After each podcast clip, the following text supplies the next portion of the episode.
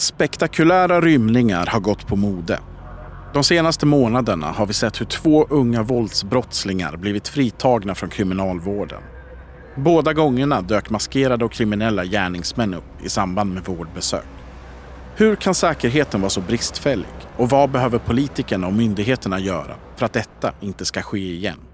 Du lyssnar på Krimrummet, en podd av Expressen med mig Kim Malmgren.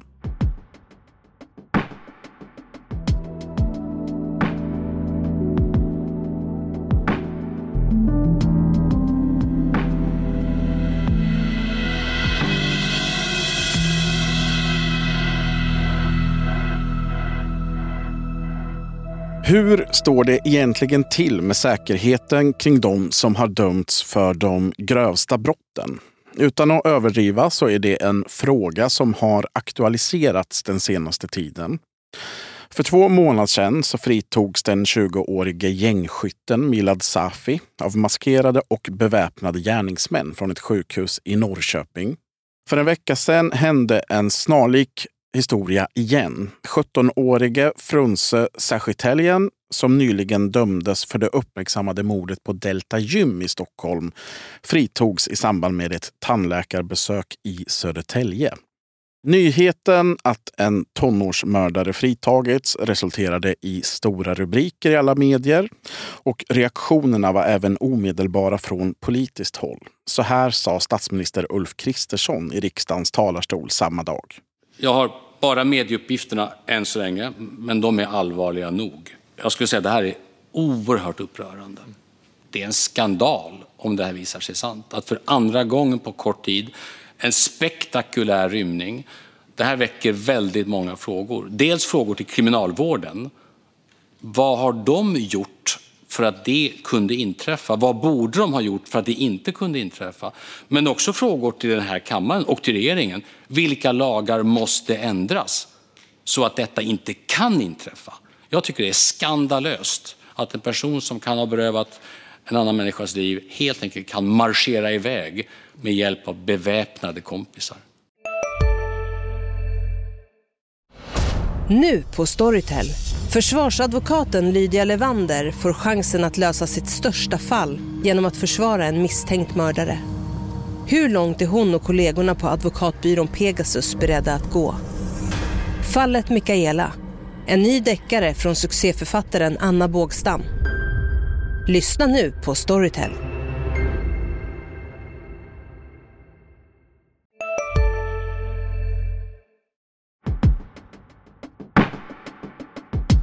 Välkommen till krimrummet säger jag till dagens gäst Fredrik Sjöshult, kriminalkrönikör här på Expressen. Välkommen! Tack! Skandalöst, säger Ulf Kristersson. Håller du med? Ja, han slår väl in en öppen dörr. Det är klart att det är skandalöst, men nu är frågan vad han ska göra åt det. Det är mycket som händer nu på den fronten. Ja, men det här, så här kan man ju inte ha det. Men det är ju olika saker får man ändå. Men det var två stycken uppmärksammade fritagningar. Det är en rad olika systembrister som, som de bottnar i. Men, men då gäller det att politikerna agerar också. Det händer någonting.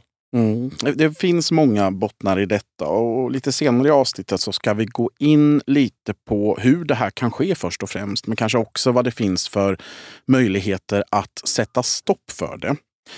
Men vi börjar med att titta på de här två fallen. Den första mannen som fritas är Milad Safi. Han är 20 år gammal, kommer från Skåne.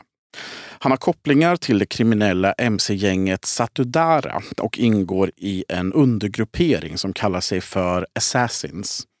De senaste åren har den här grupperingen kopplats till flera våldsdåd både i Skåne och i Köpenhamn. Bland annat så blev den utpekade ledaren för Assassins ihjälskjuten under väldigt uppmärksammade former på köpcentret Emporia i Malmö i augusti förra året.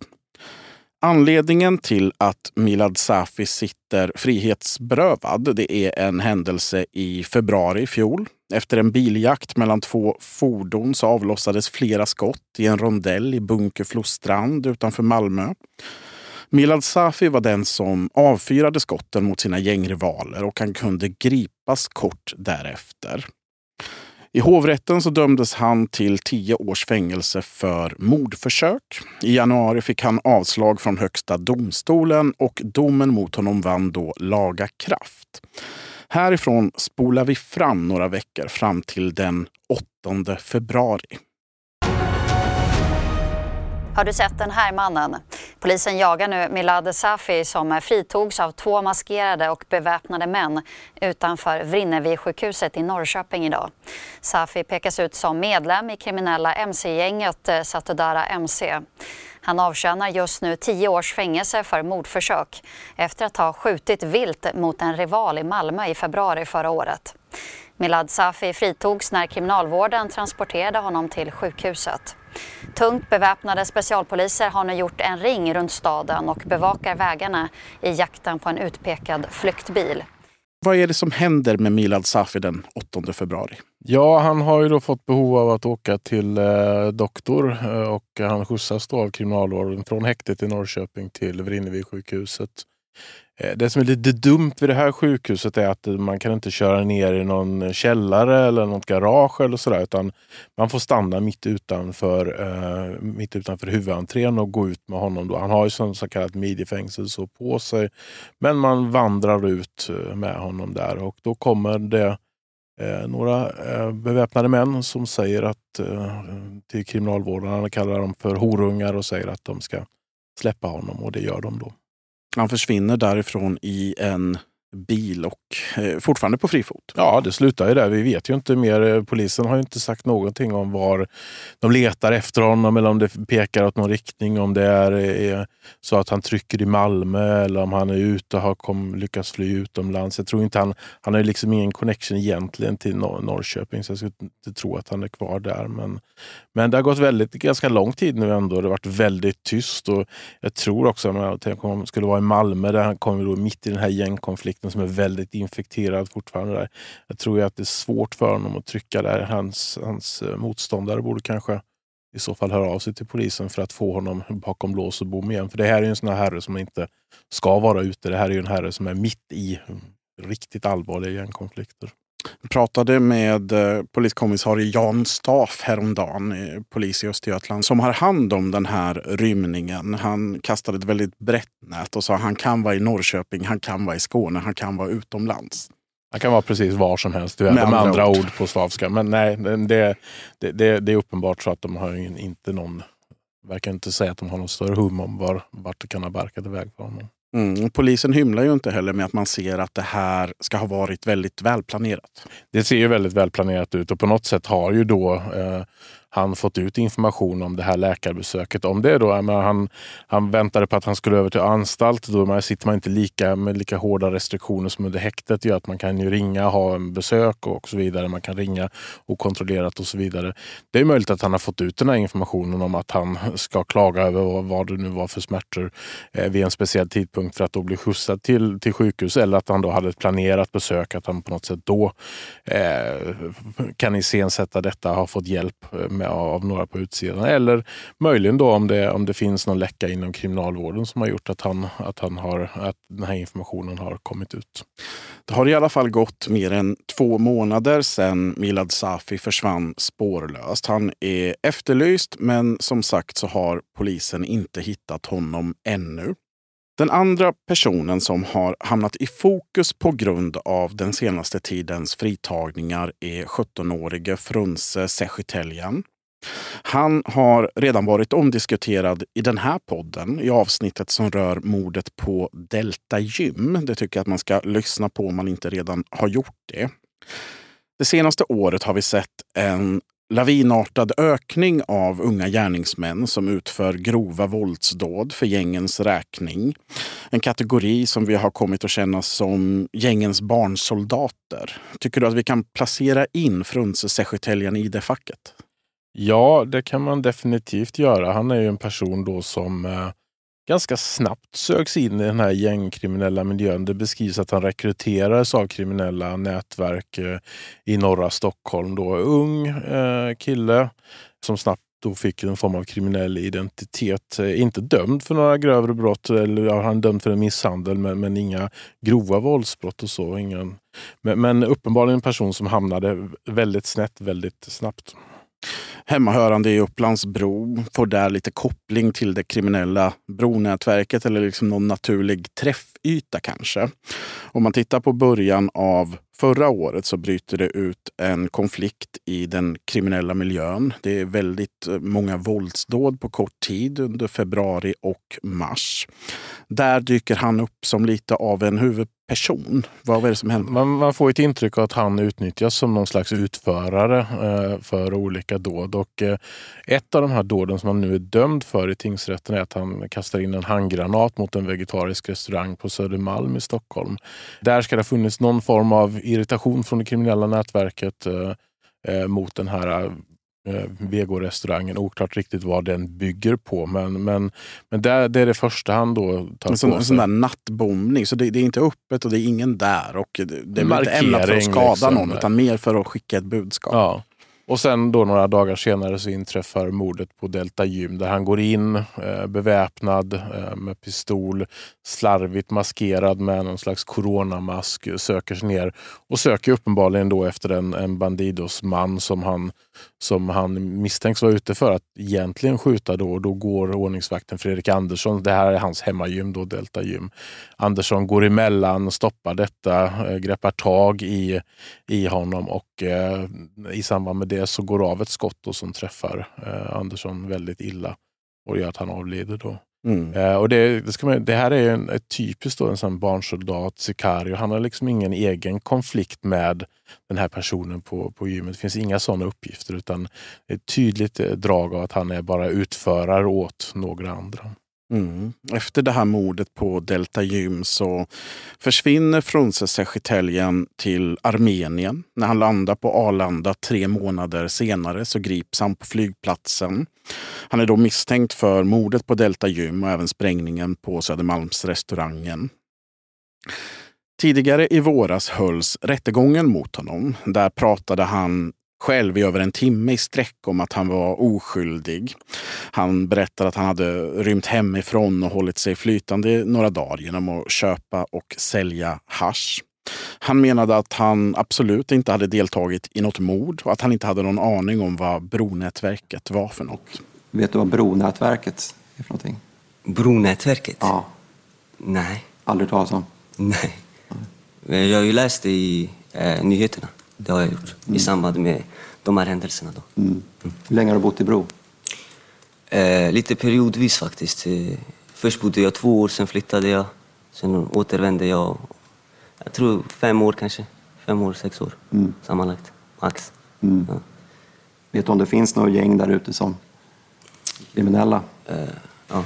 Eh, om jag får svara på den frågan. Eh, ja, det var frågan. Ja, ja. Eh, när man ser ett, alltså, jag har ju läst lite om det här när det kommer till gäng och nätverk och så. Så som jag förstår det så måste det ju finnas alltså någon slags hierarki eller att de påverkar samhället och så. Och jag har aldrig upplevt det någon gång i mitt liv att det finns någon slags, liksom, att en gäng av personer påverkar samhället på, på det viset. Då. Där, alltså där ute i Bro? Ja, mm. aldrig hänt. Nej. Aldrig känt mig ens liksom, hotad. Det här fallet är väldigt tragiskt på alla möjliga sätt. Eh, det är tragiskt att, en, eh, att det drabbar en, eh, alltså att en oskyldig person dör. Jag gillar inte kalla det för oskyldig för att ingen är skyldig till att bli skjuten helt enkelt och dö. Men det, det är jättesynd att en så modig person som visar civilkurage dör i det här fallet. Och jag tycker det är väldigt tragiskt också att en att den riktiga gärningsmannen sitter inte här, utan att det är jag som sitter här. Och att den alternativa gärningsmannen, vilket jag påstår att det finns i det här fallet, är kanske ute och begår någon annan våldsbrott. Och jag, eh, jag, oavsett om jag blir dömd eller om jag inte blir dömd i det här fallet, så jag har ren samvete. Jag kan sova på nätterna och inte tänka på att jag har tagit någon annans liv, vilket jag aldrig skulle kunna göra.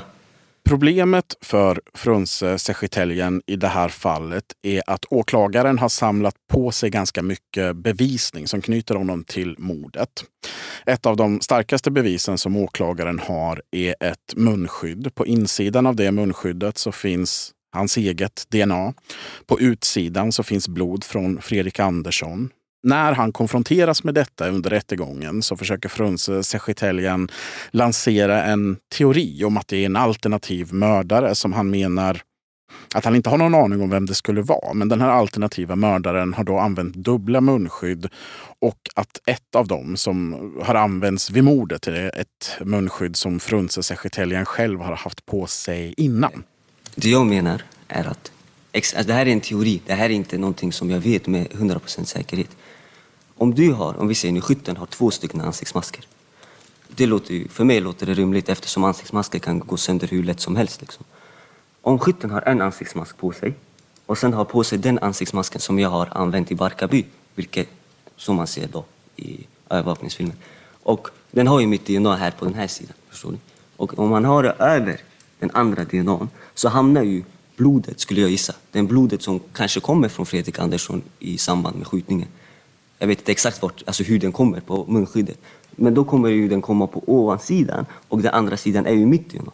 Och det här är bara en ren teori. Det är inte någonting som jag med 100% säkerhet vet som sagt. Den förklaringen håller inte enligt tingsrätten som i slutändan dömer honom för mord, grovt vapenbrott och allmänfarlig ödeläggelse. Det här är väldigt allvarliga brott, men de resulterar i ett relativt kort straff. Det blir sluten ungdomsvård i två år och elva månader. Varför blir det så? Det är ju då den så kallade ungdomsrabatten som slår in väldigt kraftigt här. Han var ju då 16 år, han hade väl 16 och ett halvt år ungefär. Han, om det hade varit så att han dömts för granatkastningen, grova vapenbrotten och mordet eh, som vuxen om han varit över 18 år, för vi har ingen straffrabatt längre för de mellan 18 och 21. Den ungdomsrabatten är lyckligtvis borta. Men hade han varit över 18 år så hade han då dömts till 18 års fängelse. 16 år har han fått för mordet och två år för det andra då enligt tingsrätten. Högsta tidsbestämda straffet man kan få i Sverige. Ja, men, men i det här fallet då så räknar man om det och då blir det då det här eh, två år och den, den slutna ungdomsvården som man då straffas med. Det, här är, det, det, är liksom, det finns omräkningstabeller för det så det finns inte så mycket för domstolarna att göra men det har ju blivit väldigt, väldigt, väldigt märkligt. Den här äh, jätteglappet mellan hur man dömer någon som är över 18 år och äh, under 18 år. Det har blivit väldigt, väldigt stor skillnad. Här ser man ju verkligen hur, hur extrem eh, ungdomsrabatten blev för de här och det gör jag. menar, nu, kom vi, nu är han ju dessutom på, på rymmen här, men han, är ju egentligen, han är ju egentligen LVU-omhändertagen. Han släpptes ju från häktet efter rättegången i tingsrätten. Men, men om man ska då ge eh, ungdomsvården två år och elva månader att komma till rätta med honom. Det, det är oerhört kort tid för att man ska kunna eh, Eh, få den här personen på rätt köl. Så man ska inte bara tänka, att det är klart man behöver låsa in dem för att de inte ska begå nya brott. Men tanken med att man låser in dem ska också vara att de ska kunna vårdas, komma ut som bättre människor. Men med sådana här korta vårdtider, det, det är lönlöst i princip. Hej, Ulf Kristersson här. På många sätt är det en mörk tid vi lever i. Men nu tar vi ett stort steg för att göra Sverige till en tryggare och säkrare plats. Sverige är nu medlem i Nato. En för alla, alla för en. Har du också valt att bli egen?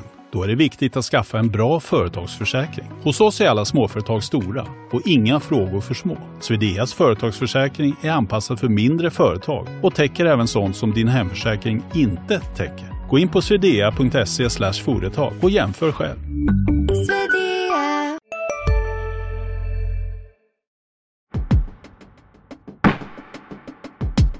Det finns en annan aspekt i påföljden som har varit uppe lite i den allmänna debatten.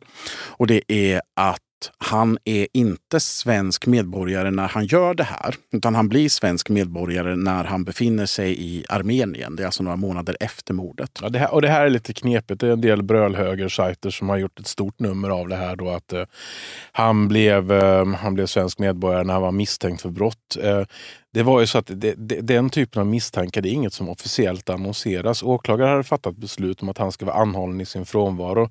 Ju längre man håller det hemligt, desto större är chansen att personen faktiskt kommer hem, som i det här fallet från Armenien. För får man veta att, att, han, att jag är misstänkt för, för ett så allvarligt brott, då kanske han inte hade kommit hem överhuvudtaget. Då kanske han hade stannat utomlands. Så det här är ju, hem, det är ju en, det är ett hemligt beslut om, eh, om att han har anhållen i sin frånvaro. Så det, när Migrationsverket gör liksom, prövningen av honom så, så är det ingenting de kan, kan se i några register att han är dömd för, för eller att han är då anhållen i sin frånvaro. Det, den, den möjligheten finns inte i det läget. Så jag, jag har lite svårt att se jag har svårt att se hur det skulle kunna vara en lösning på detta. Jag skulle, skulle då Migrationsverket säga att nej, du kommer inte få svenskt medborgarskap eftersom du är misstänkt och efterlyser ett allvarligt grovt brott. Det, det, det, det Finns det risk att man håller sig undan Då istället? håller de sig undan. Så, så, så det, här, det här görs en del billiga poänger även från statsministerns fråga eh, kring, kring detta i utvisningsfrågan. Men här måste man faktiskt tänka ett steg längre och inte bara läsa brödhögersajter. Och om han ändå inte skulle ha varit svensk medborgare, han har vuxit upp här, han har sin familj här. Skulle han ha blivit utvisad? Nej, det skulle han inte ha blivit. Det finns, det finns ju en diskussion, man skärper ju lyckligtvis en del, en del regler kring utvisningar. Man, man tar en, en person som har bott här länge, man tar inte lika lång hänsyn till detta. Men här, man tar ju hänsyn till om man har man sitt nätverk i familjen exempelvis här. Eh, hur länge har man varit här? Eh, vilken, vilken anknytning har man till samhället? Och framförallt är man myndig eller inte? Att man skulle utvisa ett barn till Armenien utan sina föräldrar, oavsett hur grovt brottet är. Det, då har, det är väldigt, väldigt långt till, tills, vi är, tills vi är dit. Då det finns ett antal regler som man behöver skruva på kring utvisningar innan, innan man har nått så långt. Och det är frågan om vi någonsin kommer nå så långt. Mm. Det som händer i det här fallet är att myndigheterna bestämmer att Frunze Sekreteljen ska akutomhändertas enligt LVU. Han blir placerad på ett SIS-hem, vilket är standardförfarande när det handlar om så här unga brottslingar. De senaste åren har SIS blivit ganska utskällt i den allmänna debatten på grund av bristande säkerhet. Vid flera tillfällen har pojkar och unga män som har dömts för grova brott lyckats rymma. Som svar på detta har man försökt stärka upp säkerheten. Man har infört en ny, hårdare säkerhetsklass.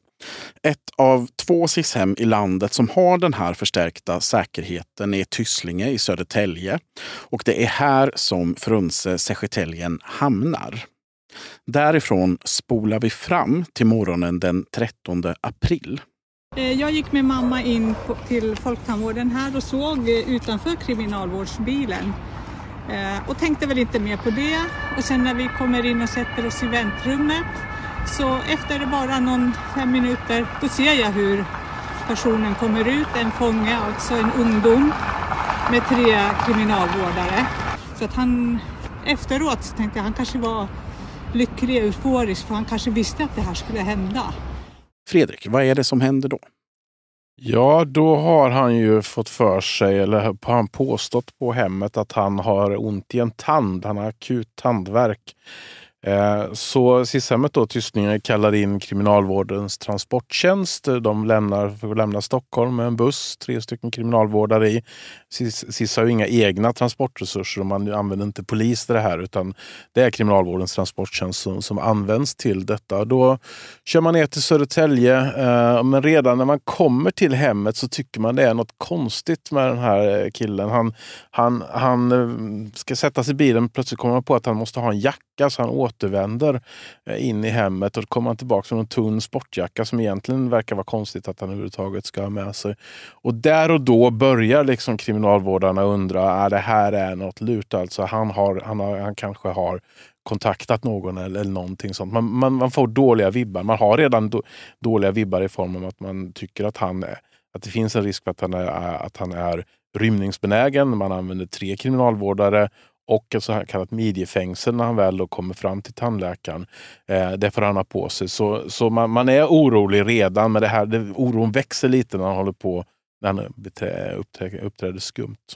När man är inne på Folktandvården i Södertälje så man undersöker honom men man hittar inga, Ja, ja, man det är inga problem med man, röntgar honom så, man kollar. Ja, men här, det, var inga, han hade, det var inga tandtroll och det var inga hål i tänderna där. Utan det var, de, de gör lite mindre behandling av honom men det här var uppenbarligen bara en bluff det här om att han hade tandvärk och att han skulle ha hål i någon tand. Så det här det, besöket är över på en ganska kort stund. Men när man då kommer ut så, så, så blir det ju direkt då en fritagning. När man ska sätta honom i bilen så, så kommer det fram två stycken maskerade män eh, och hotar med något som ser ut som ett, ett vapen. Då de är. Och eh, då bestämmer kriminalvården sig för att man, man släpper honom eh, och man släpper honom då i det, midjefängsel som har och han då får åka vidare och från platsen i en, i en mörk bil. Mm. Så, som kriminalvårdare, man gör inget motstånd i det här skedet? Nej, de är ju såklart inte beväpnade. Det ska vi kanske inte ha. Det ska vi självklart inte ha beväpnade kriminalvårdare. Utan det är precis som eh, vid ett rån. Om det kommer in en beväpnad rånare så är det klart att då, då lämnar man ifrån sig pengarna. Man ska inte börja sätta sig emot. För det, här, det, det, det kan ju bli väldigt farliga situationer. För man får ju ändå utgå från att det handlar om skarpa vapen. Exempelvis. Och den här dömde mördaren han försvinner i en bil tillsammans med de här gärningsmännen då. Det är en stulen svart Mercedes som senare hittas i ett skogsområde utanför Södertälje där den har dumpats. Det har gått en vecka sedan den här händelsen. Vad, vad har hänt under den veckan? Ja, uppenbarligen har inte det viktigaste hänt. så han är inte gripen. Eh, och det är klart att det nu finns en stor oro för vad det här kan föra med sig. Vi har sett tidigare, exempelvis under Stockholms våldsvåg, men även tidigare att man har, det finns då kriminella nätverk som helt enkelt som beskrivs att man har hämtat ut unga utförare från SISM. Det, det, det, är så enkelt att hämta dem som utförare så man, man kallar det inte ens för fritagning. Det är klart att det är en fritagning, men man hämtar den här typen av utförare för att, för att de då ska Eh, utföra våldsdåd. Expressen har ju haft uppgifter också om att det här kan vara så att han på något sätt ska betala av ett mord. Ett mord som han då möjligen misslyckades med i samband med, med Delta Gym. Eh, och att det finns nu en oro för att han ska utföra det här, den här betalningen. Eh, och det, samtidigt är det också en, det, det är komplicerat för runt, runt honom Alltså I rättegången om Delta Gym exempelvis så finns det ett antal personer som är misstänkta för medhjälp, alltså skjutsat honom till platsen. Sånt. Många av dem är på fri fot.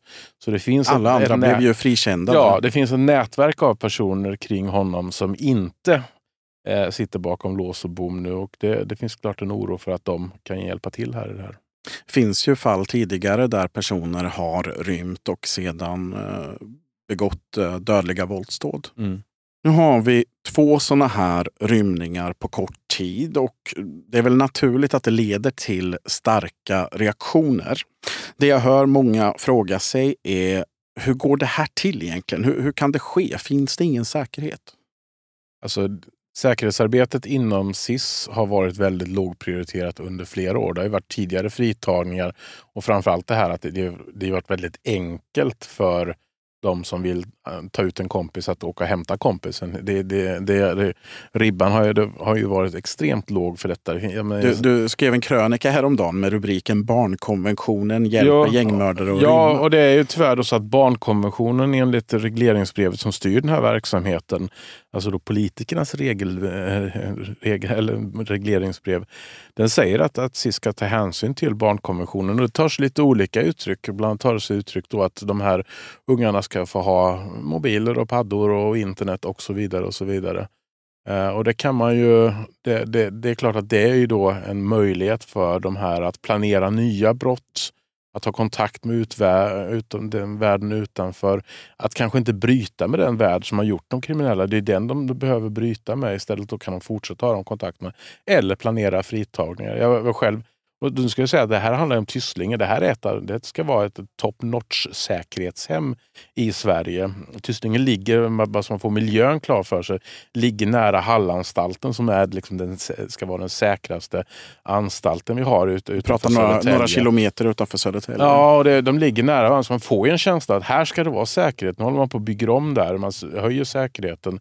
Men, men ändå så är det liksom, kan man ha mobiler. När jag var utanför så, så blipprar det upp på telefonen. Vill du ansluta till eh, nätverket SIS ungdom, SIS personal eller SIS eh, öppet. Men de ska, de ska ju ta ett wifi där. Som ska, när det är den här typen av säkerhet. Sen finns det andra ungdomshem såklart där man kanske i lägre säkerhetsklass ska kunna ha internet. Men det här säkraste, då ska man inte ha det. Men det, men det är tyvärr så att barnkonventionen och, och, och också barnombudsmannen som ska då övervaka det här. Det, det, det gör ju att det blir den här typen av av knasigheter. Men det, det har vi stått på ganska många fall de senaste åren där det har varit väldigt frikostig tillgång till paddor, till telefoner och till sociala medier i ja, men Det här är ju inte att tänka på på ett häkte, det är inte att tänka på på ett fängelse i de högre säkerhetsklasserna.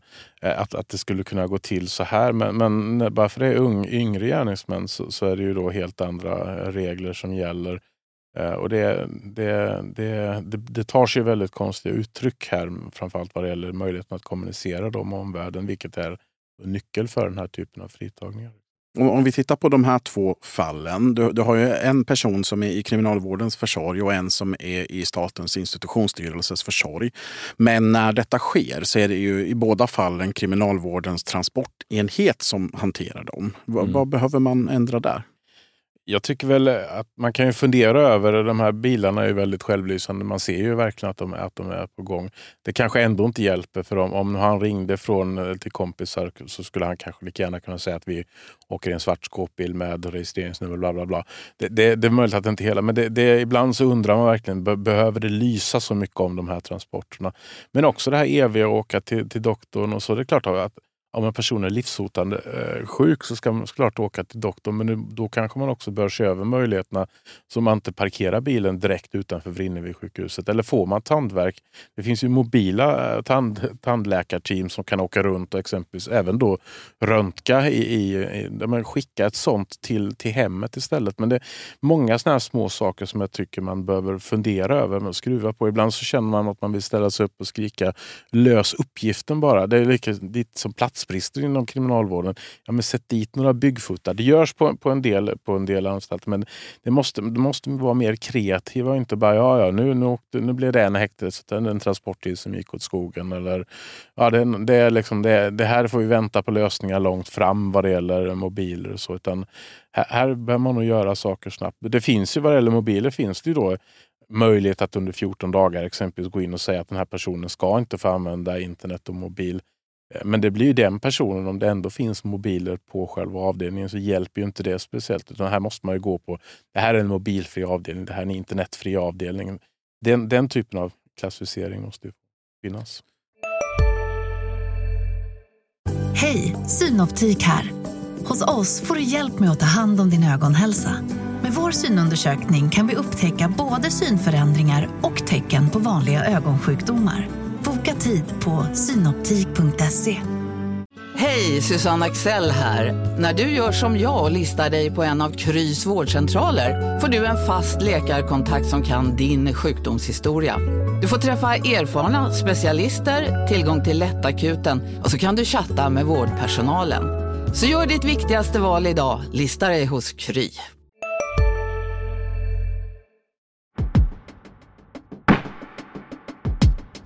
Vi har två sådana här fall på kort tid nu. De, de utförs på ett snarlikt sätt. Och framgångsfaktorn för, för de här talar ju för sig själv. De har lyckats få bort de här människorna. och eh, i, något av fallen har det gått en vecka och i något av fallet har det gått två månader. Men ingen har åkt dit än så länge om man säger så. Finns det en risk för att kriminella uppmärksammar det här? Att det blir en trend? Ja, men att man utnyttjar möjligheten att planera fritagningar i samband med uh, olika läkarbesök eller så. Det, det, är klart att, att man kommer titta på. Och framförallt vad det gäller då de här uh, unga gärningsmännen som sitter på, på SIS-hem. Det, och det är viktigt att säga att det är inte, det är inte, det är inte så att man, att man bara utifrån skyddet för att inte det här ska eh, bli nya mord eller nya våldsdåd. Det är inte bara därför man bör fundera över säkerheten.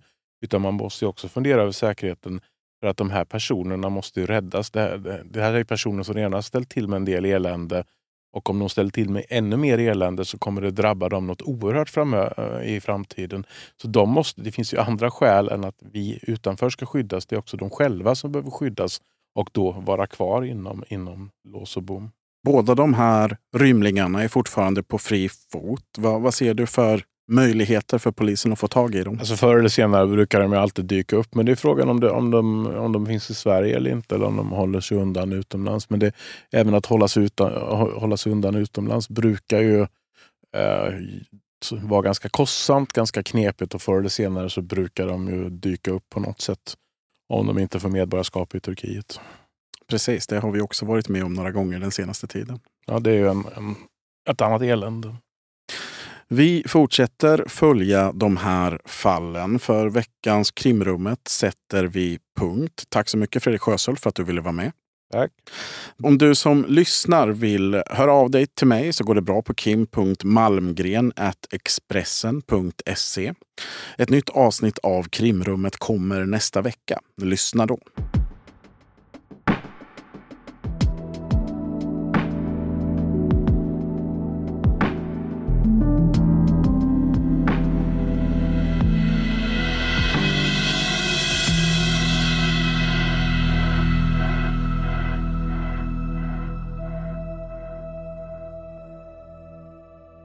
Du har lyssnat på en podcast från Expressen.